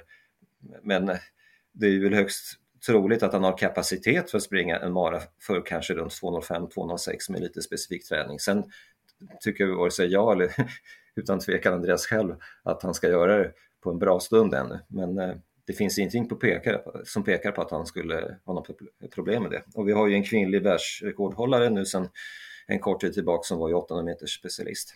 Vad säger du annars då, förutom de här två eh, duktiga löparna? Det har varit flera bra svenska resultat här i säsongsinledningen. Eh, vad är anledningen till det tror du? Ja, de är inte bara svenskar. Jag som följer mitt hemlands friidrott lika mycket, Italien, där har det satts 17 nationsrekord och idag är det, vad är det 24 februari va? Eller något, 23 till och med, på, ja, sen årsskiftet. Så att oh, om vi breddar från det svenska perspektivet så sker det en otrolig resultatutveckling. Eh, framförallt på det vi gillar, medellång löpning men även andra grenar. Eh, så att någonting har hänt. Ja, men det var min eh, nästa fråga. Är det liksom en trend i, i hela världen att resultaten blir bättre eller är det liksom en, en, en, lite unikt för Sverige att det, att det går så bra just nu? Ja, det är hela världen. Jag tittade på kvinnlig maratonlöpning igår faktiskt föranledd att du ville prata om de här ämnena och försökte titta på hur har det sett ut på 20-talet i kvinnlig maraton i Europa. Det, jag brukar mest titta på Europa, ja, bland annat eftersom jag som landslagsledare tar ut i Europasammanhang. I år har vi ett EM. Eh, mm. Och jag gillar att göra ju flerårslistor, så man tittar på 20-talet och då är det tyvärr färgat att vi hade pandemin där i början på 20-talet med allt vad det innebar för tävlande. Och så har jag smält ihop då 2020, 2021, 22, 23. Jag har inte lagt på det lilla som har hänt 2024. Alla kvinnor som har sprungit under 2.30 eh, under dessa år. Så till att börja med så kan man se att hur många som gjorde det år för år. Så var det 20 stycken 2020 dubbelt så många, 43 stycken 2021. Sen av konstig anledning så sjönk det i fjol, eh, 2022 till 33 och i fjol så dubblades det till 61. Så från 20 till 61 på tre år som, under 2,30 som förut var lite av gränsen för att du skulle tillhöra eh, europeisk elit. Och smäller ihop alla de där tillsammans så blir det 98 tjejer som har gjort det under eh, 20-talet. 51 av de 98 gjorde det i fjol. Och skulle du då titta bara på Sevilla Marathon så har du säkert 10 stycken till bara i ett lopp där. Visserligen kanske det mest eh, välrepresenterade loppet av dem alla. Just det. Tillsammans med. Åtta nationsrekord tror jag det var också va? Totalt? Ja, de i... hade väl till och med under sändningen en grafik som visar hur olika, nation, olika löpare låg i okay. ja, så här långt före ligger Ecuadors bästa löpare mot Ecuadors rekord. Det var nog en first time ever. Men finns det någon bra förklaring till varför det går framåt nu eller ungefär lika mycket som det brukar gå framåt? Eller? Ja, det går ju fortare. Det går ju fortare utan tvekan. Är det skoutveckling eller är det träning? Ja, att skorna spelar sin roll, det går inte att komma ifrån, men det är otroligt svårt att peka på eller svara med någon slags vetenskaplig undersökning redan nu. Hur stor andel materialet står för, hur mycket som är träning. Och då, då skulle vi behöva veta mycket mer även om Strava finns och det går att göra sådana saker, vi får sätta David Nilsson på ett examensarbete, eh, så eh, går det inte att säga att alla tränar enligt norska modellen, framförallt inte på maraton, där jag inte tror på att norska modellen fungerar. Men om vi pratar 1500 till 10 000 så har det definitivt fått ett genomslag. Mm. Och skorna i sig, själv, eh, i sig själva leder det till att folk kan träna mer och hårdare. Alltså kanske inte hårdare för att den nya modellen är att man tränar på submaximala nivåer istället för maximala. Eh, men man kan ju göra så mycket mer kvalitativ träning medan hela generationen, när jag började springa på 80-talet, de hade väl alla 3, 4, 5 hälsenoperationer. Just det. Ja, eh, om vi blickar då mot resten av säsongen lite grann, vad, vad, ser du mest fram emot? Det finns ju både ett EM och ett OS att, att, att längta efter. Ja, för min del är det ju högst aktuellt att jag är ansvarig för att ta ut då löpare till Rom, där vi har EM i början på juni. Och där de ska springa halvmaraton. De började med det för, eh, kan det vara, 12 år sedan var det väl tror jag första gången det var ett OS-år då man valde att ha EM samma år som OS. Förut gick EM bara vart fjärde år och då kom man på att det var lite dumt att köra maran både på EM och OS samma sommar. Så då började man köra halvmaraton Just det. någon gång i det samtidigt som OS eller samma sommar. Och just nu är ju kvalperioden till EM då i, i Rom i full gång. Jag tror den ja. stängs 12 maj och ska ni ta ut ett lag 14 maj om jag inte läste fel? Något i den stilen. Ja, det, det stämmer. Hur ser det ut just nu och eh, kan det bli två svenska lag till och med tror du? Ja, den som är vetgirig det är tipset att eh, parallellt med podden eh, gå ut på nätet och slå på det som heter Road to Rome för där kan man på varje gren titta på hur situationen eh, Eh, ser ut. Men det, det, är lite krångligt, alltså förut fick vi bestämma själva de här gångerna vi har haft halvmaraton-EM har det varit, och VM faktiskt, har det varit helt upp till varje land att eh, hitta på sina egna kvalregler. Men den här gången så eh, bestämde Europeiska förbundet att de skulle sätta gränser ändå. Och det där är en smärre uppsats, det är också att gå igenom alla olika delar, men om vi ska försöka sammanfatta det kort på något vis så finns det för, först en gräns som Europeiska förbundet har satt för att man ska kunna vara med individuellt eh, på EM. Och det, den är 1.01.40 för eh, killarna och 1.10.30 för tjejerna. Men man kan även kvala in med maratontider, 2.11 respektive 2.29. Mm. Nu räknar folk ut redan nu att vi har några som har klarat framförallt eh, den senare gränsen. Eh, och sen behöver man ha minst två sådana som har kvalat in individuellt för att i sin tur få ut ett lag. Ett lag kan vara upp till sex personer. Just det. Så har vi inte vi två stycken som klarar de gränserna och som dessutom vill springa halvmaraton på EM, för det här är ett bekymmer. Det, vi har ju flera löpare som, vi tar Andreas till exempel, han är ju inte intresserad av att springa halvmaraton på EM fast han definitivt har kvalat in. Så honom kan vi ju inte eh, ta med. Utan vi måste ha två andra killar och två tjejer som klarar de gränserna för att få göra det som vi verkligen hoppas på, att komma med ett helt lag i bästa fall ända upp till eh, sex personer. Och då har vi i vår tur satt gränser på eh, vad måste man göra för att vara med i det här laget? Eller allra först har vi faktiskt satt även gränser på utöver de nyss nämnda. För att det kommer inte vara så att eh, Europaförbundet vill ha 60 startande. Det kommer inte vara så att det är 60 stycken som klarar de här gränserna, 60 killar och 60 tjejer. Eh, om det är 60 stycken så kommer inte alla de 60 personerna vara intresserade av att vara med. Och då kommer vi in på det här som har varit de senaste åren, att det finns en ranking också. Just det. Så om man inte klarat de, de gränserna så kan man komma in på ranking istället. Och det är det man ser ifall man går in på Road to Rome, vilka som eh, just nu är topp 60 då på ranking.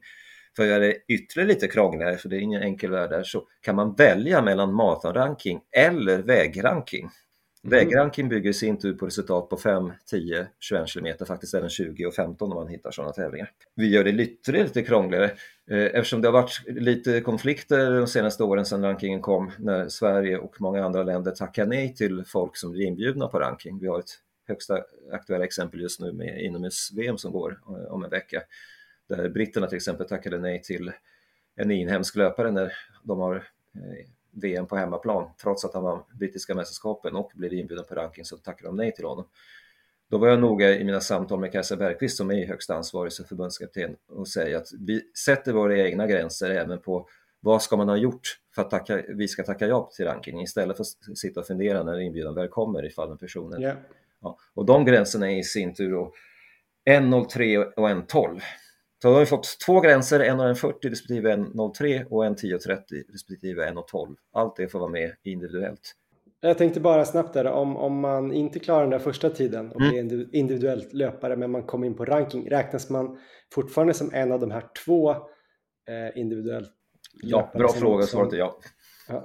Tack. Så att har vi någon som kommer inbjuden på ranking och i sin tur har klarat de här 1,03 och 12 gränserna då kan vi ta med, eller två, förlåt, sådana, då kan vi ta med ett helt lag.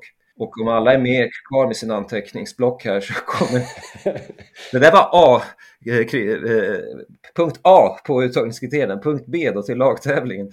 Eh, då har vi i sin tur satt gränser på, okej, okay, hur bra måste man vara för att få vara med i laget? Då är de gränserna antingen att man har gjort under 1.04 eller 1.13, men man kan till och med klara det hela ifall man sprungit två lopp som snittar 1.04.30, 1.11.30, alltså något. Så har du någon som har missat den här gränsen med knapp marginal två gånger så anser vi att den också är duglig. Så i, i värsta slash bästa fall så kanske vi till och med måste stå och välja mellan fler än sex kandidater. Men det tror jag inte på grund av att vi har ju fler grenar som folk vill springa, 5000, 10 000 och vi har dessutom ett Stockholm Marathon som går veckan innan så det är många saker som ligger och skvalpar. Just det. Men vad tror du nu då om du får sia? Jag såg att du skickade en lista där då. Det var väl i alla fall fem svenska herrar va? som redan nu har kvalat på antingen halvmara eller maratid. Där någon kommer falla bort då eftersom de kommer tacka nej då kanske. Ja, till exempel och så är väl, mm. ja, mm, Och sen på damsidan är det väl just nu bara Carolina Wikström och jag vet inte hur hon tänker inför OS om hon ska dubbla, om hon nu kommer med i OS Eh, men eh, vilka fler där? Kommer det vara fler eh, möjligheter där för någon att kvala in på damsidan? De som har klarat på herrsidan, du nämnde att det var fem, det är ju Andreas som sagt, inte aktuell. Det är Suldan som är högst aktuell. Vi har Samuel Segai som dock likt Suldan har kvalat in på maratontid och Samuel jagar ju fortfarande en OS-dröm först så att där är frågan om man lyckas med det och vad det innebär. Ebba Tolochala har ju klarat det också med ett Sevilla-lopp. Han sprang ju på låga 2.09. Eh, och Archie Castile är egentligen enligt Europaförbundet inne på de 2.10 han gjorde i Sevilla eh, februari 23. Men vi har satt snävare tidsgränser så att han har inte klarat vår tidsperiod. Eh, så där har du fem personer som är mer eller mindre aktuella. Men högaktuella är ju också Jonas Glans. Just det. Han är just nu sjätte svensk och är inne också tack vare den här rankingen om vi skulle dra ett streck idag och få inbjudningar. Men Jonas ska högst troligen springa halvmaraton om två helger i Malaga. Spännande. Hoppas jag. Eh, och sen ligger ju Linus Rosdahl väldigt nära. David Nilsson ska ju springa i New York. Även om New York inte är ett lopp man gjort tid på för det är ingen lätt bana. För att nämna några. Det är de som är åtta högst rankade just nu om man kollar på den där Road to eh, Rome-listan. Vi har en Olle Ahlberg som ska springa. Eh, tyvärr så har ju Berlin stängt väldigt tidigt så flera av dem som jag hoppades skulle springa i Berlin eh, hann inte komma med i Berlin. Okej, okay. men så på här sidan så låter det ju då som att det kommer bli ett svenskt lag till slut. Damsidan då? Ja, fast som sagt, många av dem där kan det sluta med att de, de väljer andra prioriteringar än just att springa halvmaraton på EM. Eh, på damsidan, som du sa, har vi eh, Carolina. Det får vi förhandla vidare om hon eh, blir aktuell. Hittills har hon haft andra planer. Sara Lahti är ju inne på ranking tack vare att hon har sprungit bra förstås på 10 km men eh, hon kommer väl troligen att yeah. välja bandistanser. Så får vi se om det blir maratondebut under våren för Sara. Det har varit på gång väldigt länge. Eh, eventuellt springer hon i Rotterdam. Sen har du Hanna Lindholm är inne just nu på eh, ranking hon också. Och Hanna har väl aldrig tackat ner till en tävling. Nej, hon gillar att tävla. Och sprang väldigt bra på halvmaran här, eh, låga 1.11. Och närmast efter kommer ju Karolina Jonsson och Sanna Mustonen på ranking. Båda tycker jag nog har goda chanser att, eh, klara den här individuella gränsen. Mm. Sen vet vi inte, vi har en Meraf Bata. Vad kommer hon göra när hon äntligen börjar tävla? Hon har ju hunnit tävla på 10 km men var inte med på SM som hon var anmäld till. Du har en Sauravit Mengstab som födde barn eh, på andra sidan årsskiftet. För att nämna några till. Mm. Spännande. Till sist då, eh, du nämnde här innan vi började att det här EMet i, i Rom kanske kan bli det i sista i sitt slag. Utveckla. Ja, jag har hört eh, andra, till exempel i andra poddar, diskutera vilka svenska löpare som skulle kunna ingå just i ett maratonlag. Men på EM kommer vi inte ha några maraton mer. Inte, det krävs nya beslut ifall det läget ska förändras, utan Europeiska förbundet har fattat ett riktigt korkat beslut, inte det första. Eh, att man eh, tar bort maran från EM. Och alltså inte bara som nu när det är eh, samma sommar som det är OS, utan även på de EM som går ja, nästa gång då 2026. Utan man har bestämt att man ska ha ett väg-EM. Och det dumma i det beslutet är inte bara att man har lyft bort det för jag tycker att maratonlöparna hör hemma på mästerskapen och inte på ett eget mästerskap utan man ska ha maraton, halvmaraton och 10 km under samma helg eh, i Belgien mitten på april nästa år. Eh, och med samma slags eh, lagtävling som jag nyss eh, nämnde vi har nu i Rom, alltså upp till sex startande. Så du, du kan ju se, vi skulle alltså behöva ha 36 löpare totalt sett om vi skulle fylla de här lagen. Och det finns nästan inget land i Europa, möjligtvis Storbritannien, möjligtvis Spanien, som skulle ha så pass bredd att man samma helg kan ha sina bästa löpare i alla de här tre olika distanserna samtidigt. Skulle det här EMet då vara, vara varannat år också då? Så långt har de inte kommit utan första eh, upplagan blir då 2025 så att om det blir 2027 eller 2029, jag hoppas att det blir första och sista gången för min del.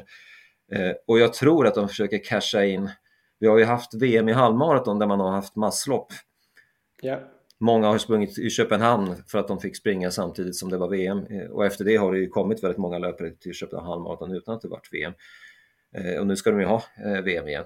Då har det ju varit lyckat att det har lockat massvis med motionärer. Däremot var det inte alls lika lyckat när de försökte göra det i Riga i höstas. Och nu försöker ju EM casha på samma sätt, att man ska ha motionslopp i alla de här distanserna samma helg som mästerskapsloppen. Och det är inte slut där. De ska ha lagtävlingar som kombinerar elitlöparna och motionärslöparna. Och nu tror jag vissa lyssnare hoppar upp i stolen och säger Va? Så jag kunna vara med i samma lag som Suldan och Andreas och alla andra eh, duktiga svenska löpare. Då ska du få gissa hur många har man då bestämt ska ingå i de här lagen?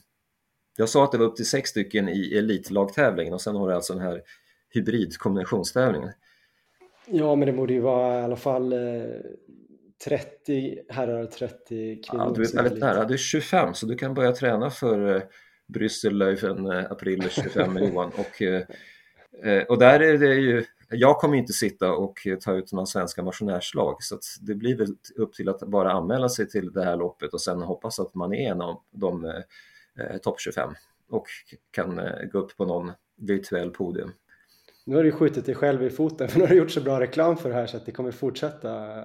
Alla kommer älska det här. Precis, eh, på motionssidan tror jag, jag tror att Svenska Frisförbundet som nog inte har fattat ännu, när de ska lägga budget för det här så kommer de säga att nej, eh, vi tänker inte åka dit, det är nog en stor risk för det. Eller också får alla betala ur egen ficka.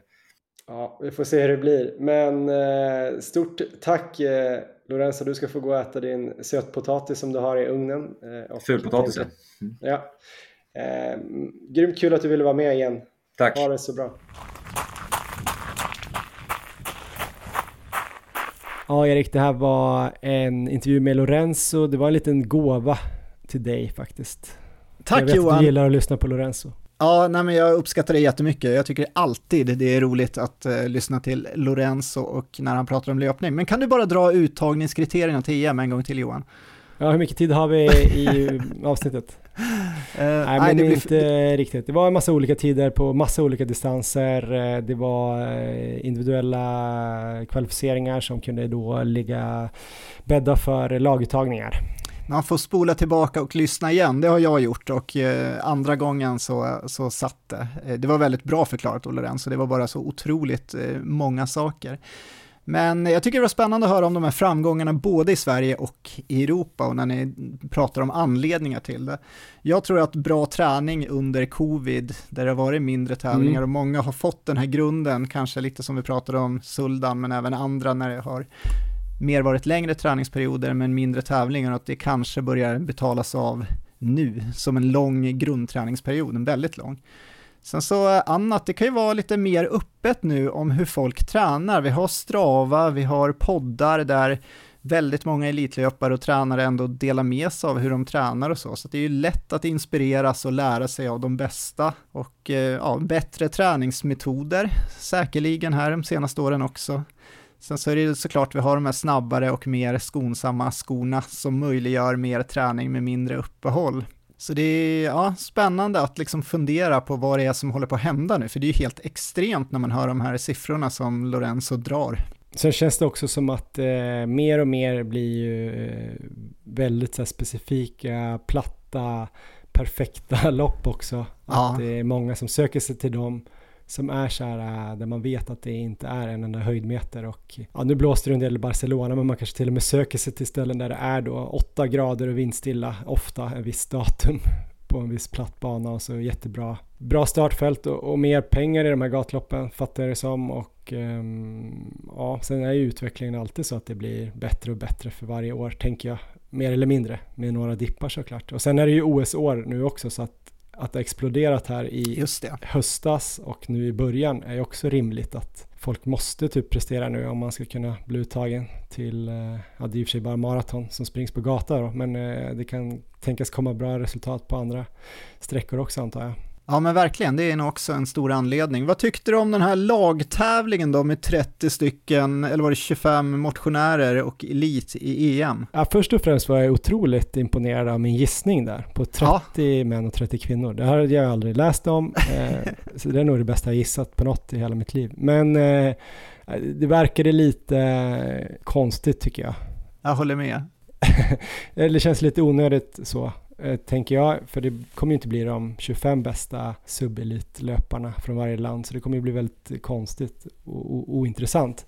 Och väldigt, väldigt konstigt med det här med att de ska springa alla de här distanserna samma dag då, så att inte alla bra kan springa samtidigt. Ibland har jag tänkt att vissa saker eh, krockar på SM och sånt där. Om man till exempel, det finns ju vissa som kanske gillar både trail och eh, landsväg till exempel som springer båda typerna av lopp. Jag tror halvmaraton-SM i år är väl Stockholm halvmaraton och så tror jag att trail-SM är typ samma dag eh, för typ 30 kilometer eller något sånt där. Det är mycket rimligt att det skulle vara folk som skulle vilja dubbla de två. Eh, däremot är ju SM på maraton, halvmaraton och 10 kilometer utspritt över sommaren Även om 10 km brukar vara så här mitt i sommaren när det typ är mästerskap och sånt där. Så där brukar jättemånga falla bort. Eller om det är semester och sånt. Eh, lite tråkigt, tänker jag. Ja, eh, om jag hoppar tillbaka där till EM just och eh, de här 25 Jag tyckte det var, eh, det lät konstigt alltså. Jag vet inte riktigt om det kommer motivera så många att eh, anmäla sig och delta i det och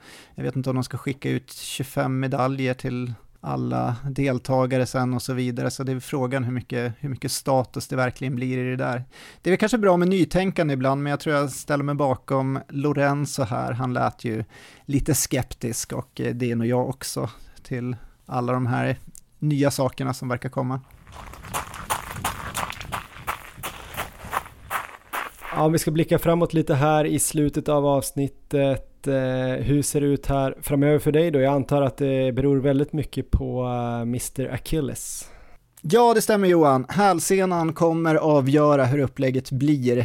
Förhoppningen är att jag kommer kunna springa så mycket som möjligt, så planen har hela tiden varit att under den här perioden nu, när det är åtta veckor kvar till loppet, kunna eh, öka på löpvolymen, kanske komma upp i 20 mils veckor och mer när det kommer till löpning det känns väldigt osäkert nu om det kommer funka eller inte. Om det blir problem med hälsenan så kommer jag lägga in mer styrketräning och eh, tröskelintervaller på cykel. Så att man kan väl säga att det är de tre träningsformerna jag har. Jag har löpning, cykel, jag har styrka.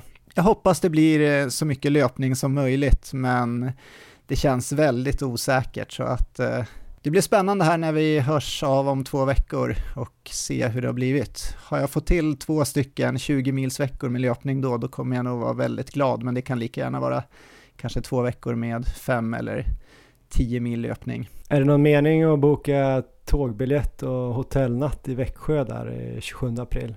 Ja men det tycker jag verkligen. Det hoppas jag att du redan har gjort eller kommer göra under dagen. Eh, för till, till start ska jag bara efter den här perioden jag haft i år någonting eh, måste jag få ut av eh, alla de här timmarna på cykeln och eh, i gymmet.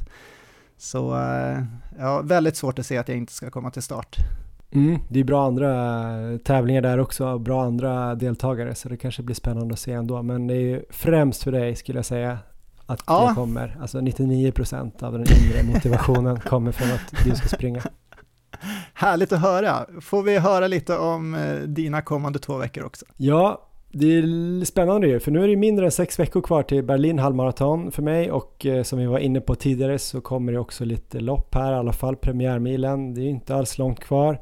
Eh, en annan sak som är ja, helt unik nästan när det gäller maratonlabbet, det är väl att jag eh, Eh, kommer ta lite hjälp av en annan coach här för att coacha mig eh, och jag ska ta lite hjälp av Jeff Frydenlund faktiskt på Activitus framöver. Eh, känner att jag kanske är i ett litet läge där jag är i någon sorts behov av att bolla min träning med någon annan och få lite ny input antingen för att bara våga prova nya vägar eller kanske bli stärkt i att det jag gör och har gjort borde funka bra om jag bara får till det liksom ordentligt med med livet runt omkring och sömn och sådär. Och vi ska faktiskt stämma av här lite senare under dagen och eh, förhoppningsvis får jag kanske till och med förslag på den här veckans eh, träning. Så att jag vet inte så mycket. Antingen blir det lite träning alla Jeff eller alla Johan. Men eh, antagligen tror jag väl att det kommer bli runt 10-12 mil med, med några kvalitetspass och ett långpass på lördag. Men eh, det kanske blir något helt annorlunda. Det kanske blir VO2 max intervaller på löpband i uppförsbacke eller eh,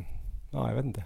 Ponnyridning höll jag på att säga, det tror jag inte. Spännande, jag tror det är första gången i poddens historia som vi inte kommer träna oss själva, så det ska bli väldigt intressant att följa. Hur länge eh, planerar ni att det här ska pågå? Har ni sagt någon sån här tidshorisont? Nej, men vi får väl se lite mer nu när vi snackar eh, i eftermiddag, men vi har ju pratat eh, för några veckor sedan och sen har han ju kollat över lite hur jag har tränat på sistone och eh, så ska han feedbacka på det och börja sälja in sitt tänk då för mig, antar jag. Och nej, men jag har nog tanken att köra på ett tag för att jag vet ju själv om man är coach så vill man gärna ha lite tid med en adept. Och jag vet inte om det här är jättemycket tid men jag, jag funderar på att köra ihop eh, fram till och med eh, Lidingöloppet i alla fall till att börja med. Så det var det vi sa. Men eh, det blir det väl liksom de här loppen också först nu med Berlin och premiärmilen, premiärhalvan och Stockholm Marathon. Och han var ju inne på att det är väl lika bra att köra dem